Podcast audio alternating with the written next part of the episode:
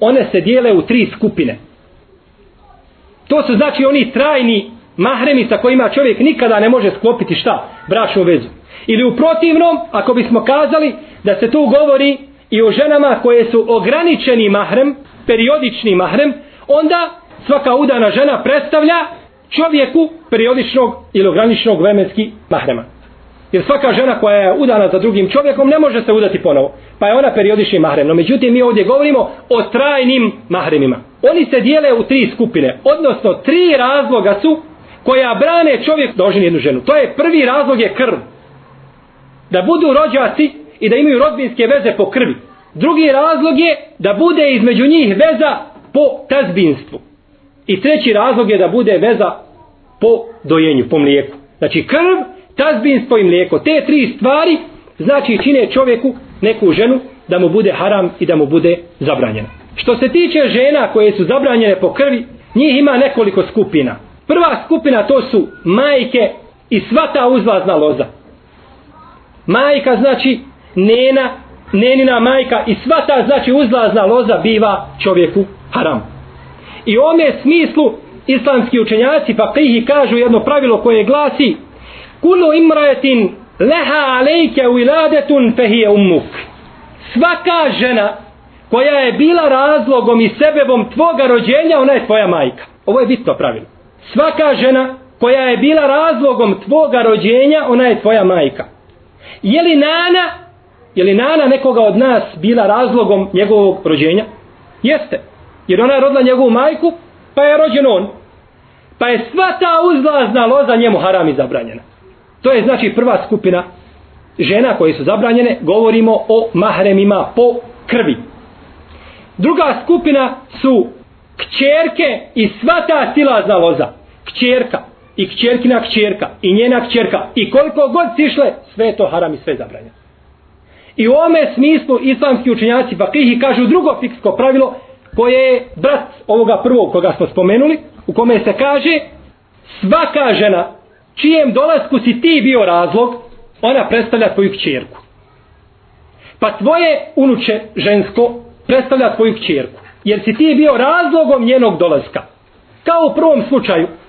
Što je jedna žena bila razlogom tvoga dolaska, nena bila razlogom tvoga dolaska, ali rodila tvoju majku, pa ona rodila tebe, tako je sa ove muške strane čovjek imao, znači, kćerku, ona rodila dijete, to unuče biva kao znači njegovo dijete. I tako sva ta silazna loza sve mu to znači biva, sve mu to biva zabranjeno. Pa znači ta kćerkina kćerka i njena kćerka znači sve je to zabranjeno. Potom sestre, bile da su rođene sestre ili da su sestre po ocu ili po majci, sve znači sestre bivaju haram i zabranjene za brak. Trajni mahrem naravno. Ženska djeca od brata ili od sestre. Znači da je čovjek nekome amiđa ili dajđa, sve to biva znači zabranjeno. Također od žena koje su zabranjene jesu tetke po očevoj i po majčinoj strani. I sva ta loza, znači koje predstavljaju tetke, sve tetke u toj lozi su haram i zabranjene, nije dozvoljeno znači da se žene. U tetke bilo sa očeve ili sa majčine strane ulaze također tetke od očeva i tetke od majki. I tetke od djeda i tetke od nani. Bilo da se radi po očevoj ili po majčinoj strani. Jer mi kad govorimo o tetkama, kod nas tetka je jedno i drugo. Ali u arapskom jeziku amme je tetka po očevoj strani. A hale je tetka po majčinoj strani, pa razlikuju. A kod nas je sve jedno tetka. Pa znači bila da je tetka od oca ili majke, ili dede, ili nene, bilo sa očeve ili sa majčine strane, sve je to, sve je to zabranjeno zbog riječi uzvišenog Allaha te barake o ta'ala hurrimet alejkum ummehatukum o benatukum o ahavatukum o ammatukum o halatukum o benatu lehi o benatu luht zabranjeno vam je da ženite vaše majke, vaše kćerke, vaše sestre, vaše tetke po očevoj ili po majčinoj strani i kćerke vaše braće i vaših sestara. Ovo je znači ukratko ovo bi ukratko bile skupine žena koje su zabranjene po krvi i ne mogu se nikada ženiti. Nikada se znači ne mogu ženiti. Druga skupina su žene koje su zabranjene zbog tazbinstva. Tazbinstvo je znači bio razlog koje je zabranio čovjeku neku ženu. Prva skupina žena koje su zabranjene po tazbinstvu jesu snahe i žene unučadi. čovjek ne može oženiti svoju snahu nikada. Kada bi sin razveo svoju ženu, taj njegov babo nikad više tu njegovu ženu, bivšu, jeli, ne može oženiti. Ona mu je trajni mahrem. Niti može oženiti ženu nekog od svojih unučadi, bez obzira koliko je i da ih bilo. Ne može znači ženiti njihove žene. Druga skupina jesu majka od žene, znači punica. Ne može čovjek nikada oženiti svoju punicu. Dok oženi kćerku nakon toga, njena majka je njemu trajni mahrem i nikada je više ne može oženiti. Može sa njom putovati, može se sa njom osamiti, može se pred njim otkriti, sve to ne smeta, ona je njemu kao njegova majka. Mahrem ne smije, znači nikada je više ožen. I cijela ta uzlazna loza njegove žene. Znači njena majka, pa njena majka, pa njena majka i koliko god da je išla ta uzlazna loza, ne može i ženiti. Ne može znači ženiti tu uzlaznu lozu. Ne smije čovjek također oženiti ženu svoga oca. Niti može oženiti ženu nekoga od svojih djedova. Ženu svoga oca, misli se na maćehu naravno, ne misli se na majku, to je jasno. Niti može oženiti ženu nekog od svojih djedova. I također kod djedova se misli da je njegova nena preselila, pa njegov se djedo ženio ponovo sa ženom. Oženio mladu ženu. Možda mlađu od njega. Pa je pusti ili djed umre, preseli. Može li on oženiti tu ženu svoga djeda koja mu nije nena naravno? Ne može. To mu je zabranjeno. I znači svih svojih tih predaka od djedova. Ne smije znači ženiti njihove žene. One su znači trajni mahrem. Također kćerka od žene, pastorka. Znači od žene nije njegova kćerka već od drugog čovjeka. Njegova pastorka ne smije ženiti. Niti može ženiti žensku djecu, kćerke od sinova svoje žene. Naravno, a ti sinovi nisu od nje. I oni su pastorčad. Znači, ne smije ženiti kćerke svoje pastorčade. I to je isto zabranjeno. Kao što mu je zabranjeno da oženi šta? Svoju pastorku. Ovdje se uvjetuje jedan uvjet, a to je da je čovjek sa tom ženom imao spolni odnos. Da je imao sa tom ženom, znači spolni odnos. Nije dovoljno da čovjek oženi, potpiše ugovor, sklopi bračnu vezu i nakon toga razvede ženu, a nije imao sa njom spolni odnos, tada može oženiti i njenu kćerku i može oženiti, znači, od pastorčadi njegove, znači tu žensku djecu. Uzvišen je Allah te barak je tala brani da čovjek oženi ono što je ženio njegov otac. Pa kaže te barake od tala وَلَا تَنْكِهُ مَا نَكَحَ آبَاؤُكُمْ مِنَ النِّسَا إِلَّا مَا قَدْ سَلَفْ إِنَّهُ كَانَ فَاهِشَةً وَمَقْتًا وَسَاءَ سَبِيلًا I nemojte ženiti ono što su ženili vaši očevi osim ono što je već bilo. Nemojte ženiti ženeve koje su, žene koje su znači ženili vaši očevi. To je uistinu ružan put i to je velika stvar i to je ružno djelo kod Allaha te barake o teala. Kazali smo da čovjek mora imati odnos sa majkom da bi mu bila zabranjena ta što kažu za nju rebiba, a to je znači pastorka koja je odrasla sa njim u okrilju, znači u istom znači domu odrasla. No međutim većina islamskih učenjaka smatra osim rivajeta od Alije ibn Abi Taliba, koga je odabro Ibn Hazm i drugi, da kćerka ili ta pastorka koja nije odrasla sa svojim, znači tim očuhom, da je može ženiti. To je iznimne, to su iznimne predaje, iznimna mišljenja, ispravno je po džumhuru, većini islamskih učenjaka, bilo da je ta kćerka, pastorka, odrasla sa njim u istoj kući ili nije, da je ne može ženiti, nakon što je imao šta? Odnos sa njenom majkom, da je ne može, znači, ženiti. I braćo, nema razilaženja među islamskim učenjacima, znači, po ovim pitanjima. Jer Allah te barat o teala kaže وَرَبَائِبُكُمُ اللَّتِ فِي حُجُورِكُمْ مِنْ نِسَائِكُمْ i one rebibe koje se nalaze u vašem znači okrivlju elati dehaltum bihin od vaših žena sa kojima ste vi imali spolne odnose. O ilem takunu dehaltum bihinne fela džunahalikum a ako vi niste imali spolne odnose sa tim svojim ženama onda vam nije grije. Da šta? Ženite te pastorke znači. Zabranjeno je čovjeku da oženi ženu svoga oca samo ako je sa njom sklopio bračni ugovor. Čovjek došao i sklopio sa ženom bračni ugovor. I razvede je prije nego što je dotaklo. Nakon toga njegov sin je ne smio ženiti. Nikada. I nema razilaženja kod islamskih učenjaka po ovom pitanju. Svi se slažu, znači da ne smije nikada više oženiti.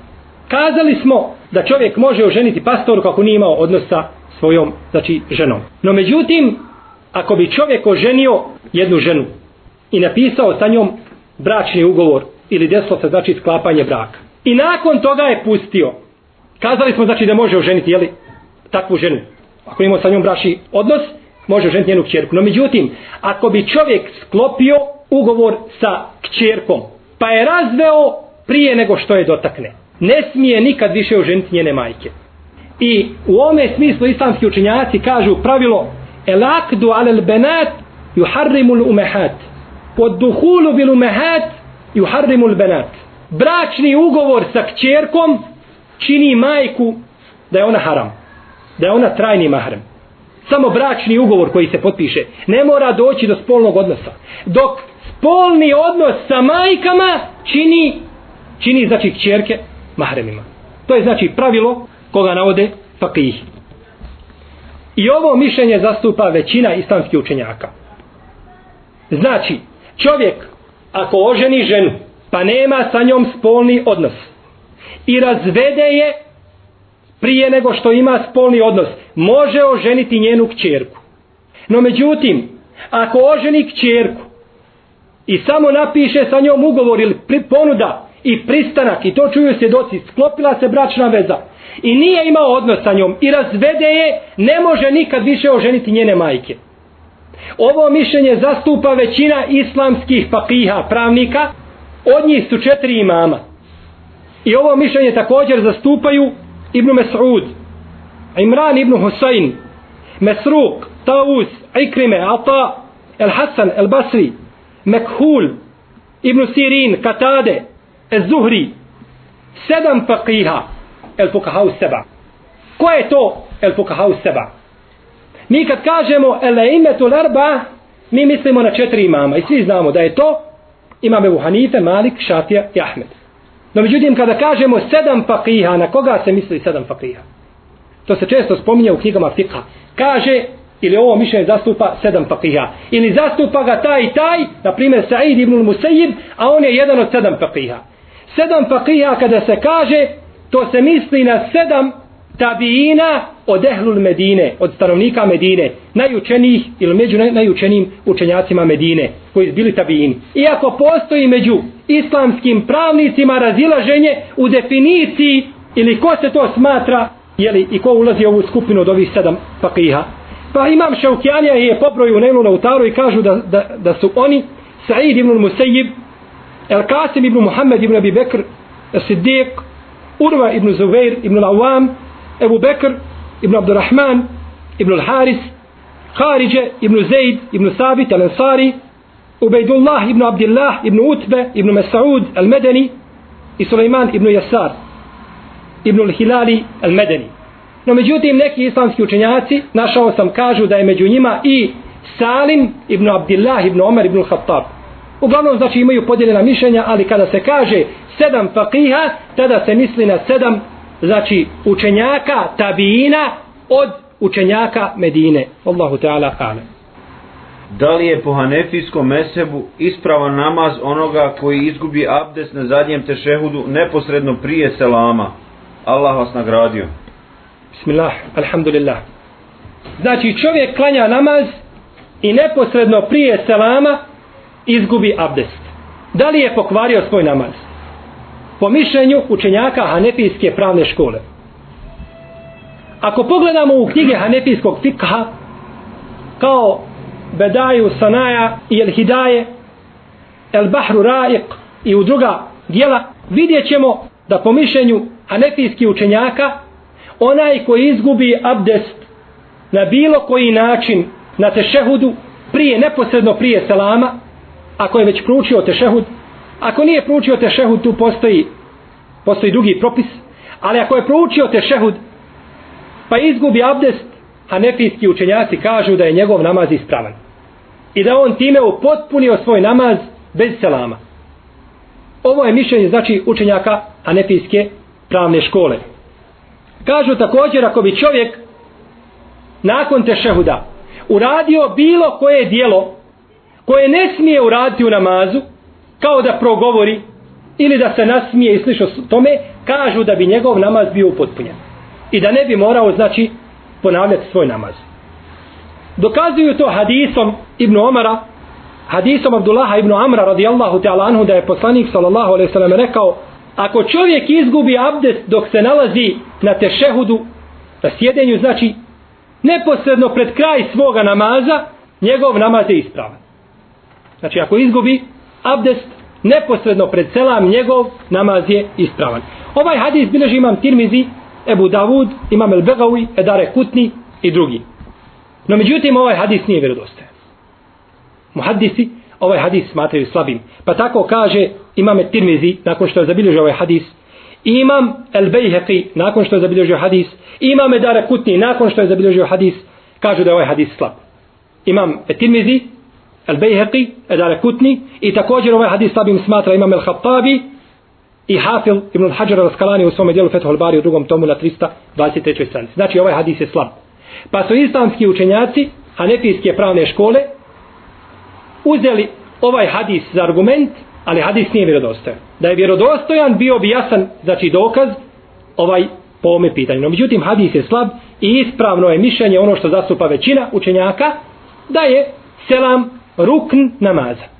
Da je selam rukn namaza. Neki kažu da su oba dva selama rukn namaza, no međutim spominje Ibnul Munzir u svome dijelu El da je samo selam na desnu stranu rukn i navodi konsensus po tome. No međutim neki se spore oko toga i kažu da je taj konsensus sporan, no međutim u svakom slučaju mišljenje većine islamskih pravnika jeste da je selam na desnu stranu samo rukn namaza, a da nije na lijevu. Također hadis koga bilježe sabirači sunena i hakim u kome poslanik sallallahu alejhi ve selleme kaže ključ namaza je abdest. Ne možeš znači ući u prostoriju bez ključa. Da bi ušao u namaz treba ti ključ, to ti je abdest. Početak namaza je tekbir, a njegov završetak je selam. Hadis jasan da je znači da se ulazi u namaz sa tekbirom, a da se izlazi iz namaza sa selamom. I ovaj hadis jer vjerodostojnim smata imame Nevovi, El Begaji, El Begavi, Rafij, Ibn Hajar, El Mubarek, Furi i brojni drugi. Ova se predaja navodi isto tako kod Bejheqija, ovaj hadis koga smo spomenuli, navodi se kod Bejheqija u njegovom sunenu od Abdullaha ibn Mesauda kao njegove riječi. I kaže šehol Islam ibn Tejnije, rahimahullahu ta'ala, te kaže u svome dijelu, suđudu tilave na 84. stranici da je ova predaja, da je ova predaja vjerodostojna. Znači od Abdullaha ibn Mesauda. Tako da je u svakom slučaju jače i prioritetnije mišljenje ono što je odabrala većina islamskih pravnika da se Allah Đelešanu smiluje svima njima. Wa sallallahu ala nabina Muhammedu wa ala alihi wa sahabi ajma'in. Wa jazakum Allah khairu jaza wa barak Allahu wa ahsana ilayk pitanje glasi ako je čovjek obećao ženi da se neće ženiti? A u postvijesti nije tio da će se ženiti. Zar to nije vid obmane ne kažemo prevare? Jer je čovjek obećao jedno a učinio drugo ovdje se opšte ne vraća šta je čovjek obećao i šta je kazao, nego se vraća sva stvar da li žena ima pravo da to uvjetuje. E na to se vraća. Zato njegove riječi nas apsolutno ne zanimaju. Jer se ovdje gleda šta je rečeno u prva osoba šta je kazala. Ona nema pravo da to kaže.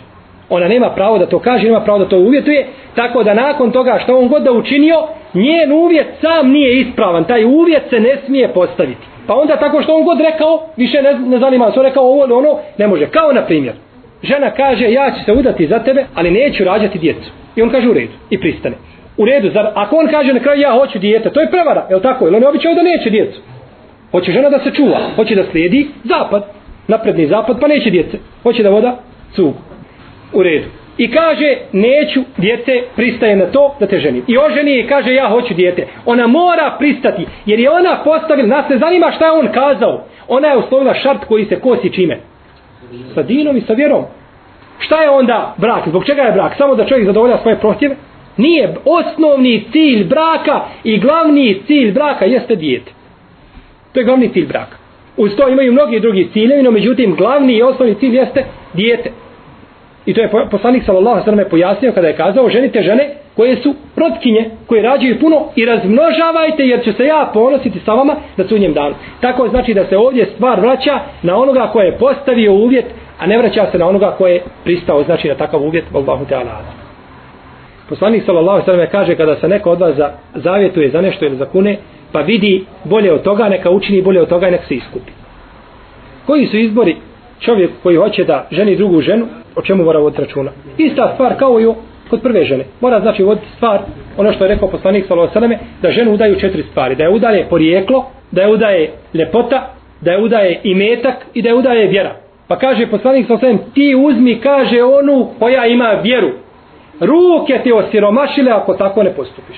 Hadis koga bilježe Buhari muslim. Ruke ti osiromašile ako tako ne postupiš. Pa znači ako dadeš prednost ljepoti ili dunjaluku ili porijeklu nad vjerom, poslanik sa se učinio dovu protiv tebe i nećeš sigurno imati takvog hajra. Pa će ti presjesti ljepota i dunjaluk i porijeklo, sve će toga biti preko glave, a nikada neće dobiti ono što se tebe dobiti, a to je vjera. Znači čovjek treba voditi u prvom redu vjeru, pa ako dođe uz vjeru, nešto od drugih stvari, to je svjetlo po svjetlu, ali je znači čovjek dobio ono osnovno, Allahu Teala, ale. Jesu.